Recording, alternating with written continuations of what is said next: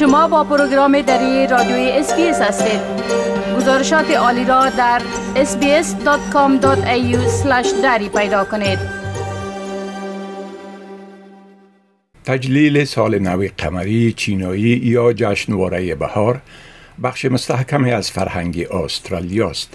طور مثال برگزاری آن در سیدنی بزرگترین جشن در نوع خود در خارج از آسیا می باشد ریشه آن چیست و چگونه در استرالیا جشن گرفته می شود روز سال نو قمری امسال اول ماه فبروری تجلیل خواهد شد. 2022 سال پلنگ است. دکتر پن ونگ استاد ارشد مطالعاتی چینایی و آسیایی در پوهنتون نیو ساوت ویلز است. دکتر ونگ با توضیح تقویم قمری می گوید که جشنواره بهار 15 روز تا جشنواره اریکین یا فانوس ادامه می یابد. سال نو قمری آغاز یک سال تقویم قمری است به اساس دوره های ما می توان آن را جشن سال نو یا بهاری چینایی هم نامید. این جشن در چین و سایر کشورهای آسیای شرقی مثل کوریا، ویتنام، ژاپن بین مهاجرین چینایی و بسیاری از کشورهای دیگر مانند استرالیا برگزار می شود و سابقه الا چهار هزار ساله دارد که از سلسله شیا یا شنگ شروع می شود.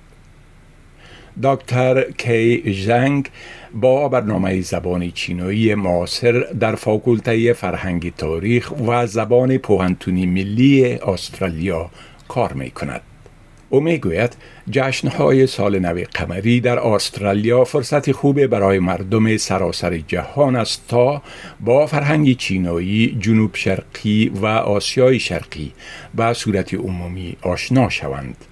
It is a cultural event of long history and of very rich این یک رویداد فرهنگی با تاریخ طولانی و دارای معانی بسیار غنی و سمبولیک است که در آن جاگزین شده است و برای استرالیایی های چینایی و سایر استرالیایی هایی که از کوریا یا ویتنام یا کشورهای دیگر هستند که در اصل از بخشهای جنوب شرقی و شرقی هستند بسیار مهم می باشد افراد خارج از فرهنگ چینایی یا فرهنگ آسیای شرقی با جشن گرفتن سال نوی چینایی یا سال نو قمری می توانند بیشتر با فرهنگ چینایی در مورد فرهنگ کوریا و در مورد همه این گروه های مختلف مردمی که اصلا از آسیای شرقی و بخش جنوب شرقی هستند آشنا شوند.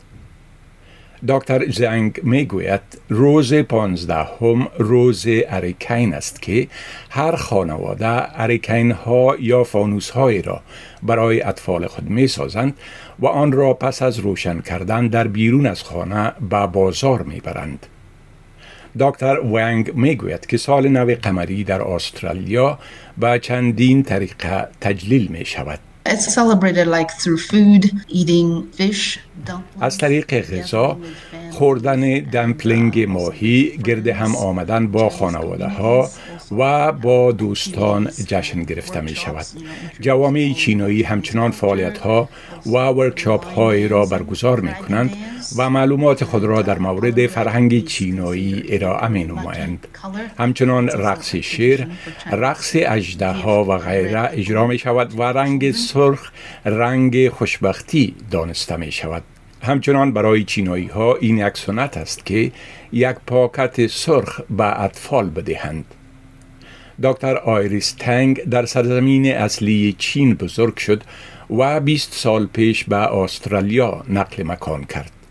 او می گوید که تفاوت اصلی بین جشنها در استرالیا و چین در این است که در سرزمین مادری او در وقت جشنهای سال نو قمری یک رخصتی عمومی طولانی می باشد که صدها میلیون نفر برای گرد همایی خانوادگی و شهرهای زادگاه خود در چین سفر می کنند. دکتر تنگ می‌گوید که غذا همانند چین بخش مهمی از جشنهای سال نو قمری در استرالیا هم می باشد. اگرچه چین معاصر از تقویم گریگوری استفاده می کند اما تقویم سنتی چینایی در مورد رخصتی ها مانند سال نوی چینایی و جشن ارکین هم در چین و هم در جوامع چینایی در خارج از کشور مروج است.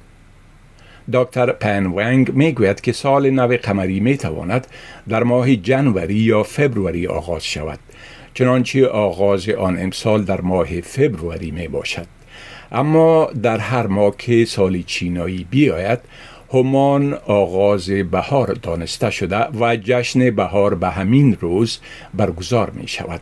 دکتر کریگ سمیت استاد ارشد مطالعات ترجمه چینایی در انستیتیوت آسیای پوهنتون ملبورن که در تایوان و کوریای جنوبی زندگی کرده می گوید که سال نو در کوریای جنوبی زمان ادای احترام به اجداد است.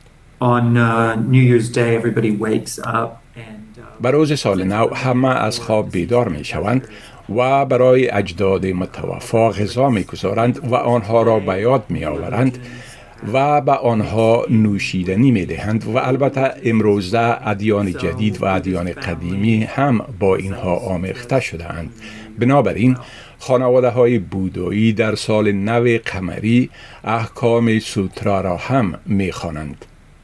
دکتر سمیت می گوید عناصر بسیاری در جشن سال نو قمری وجود دارند که از کشورهای غیر از چین می آیند. بروج یا زودیاک یک سال چینایی با سال نو قمری آغاز می شود و با آن پایان می یابد. هر سال در یک دوره زودیاک دوازده ساله با یک حیوان زودیاک نشان داده می شود که هر کدام خصوصیات مشهور مربوط به خود را دارند.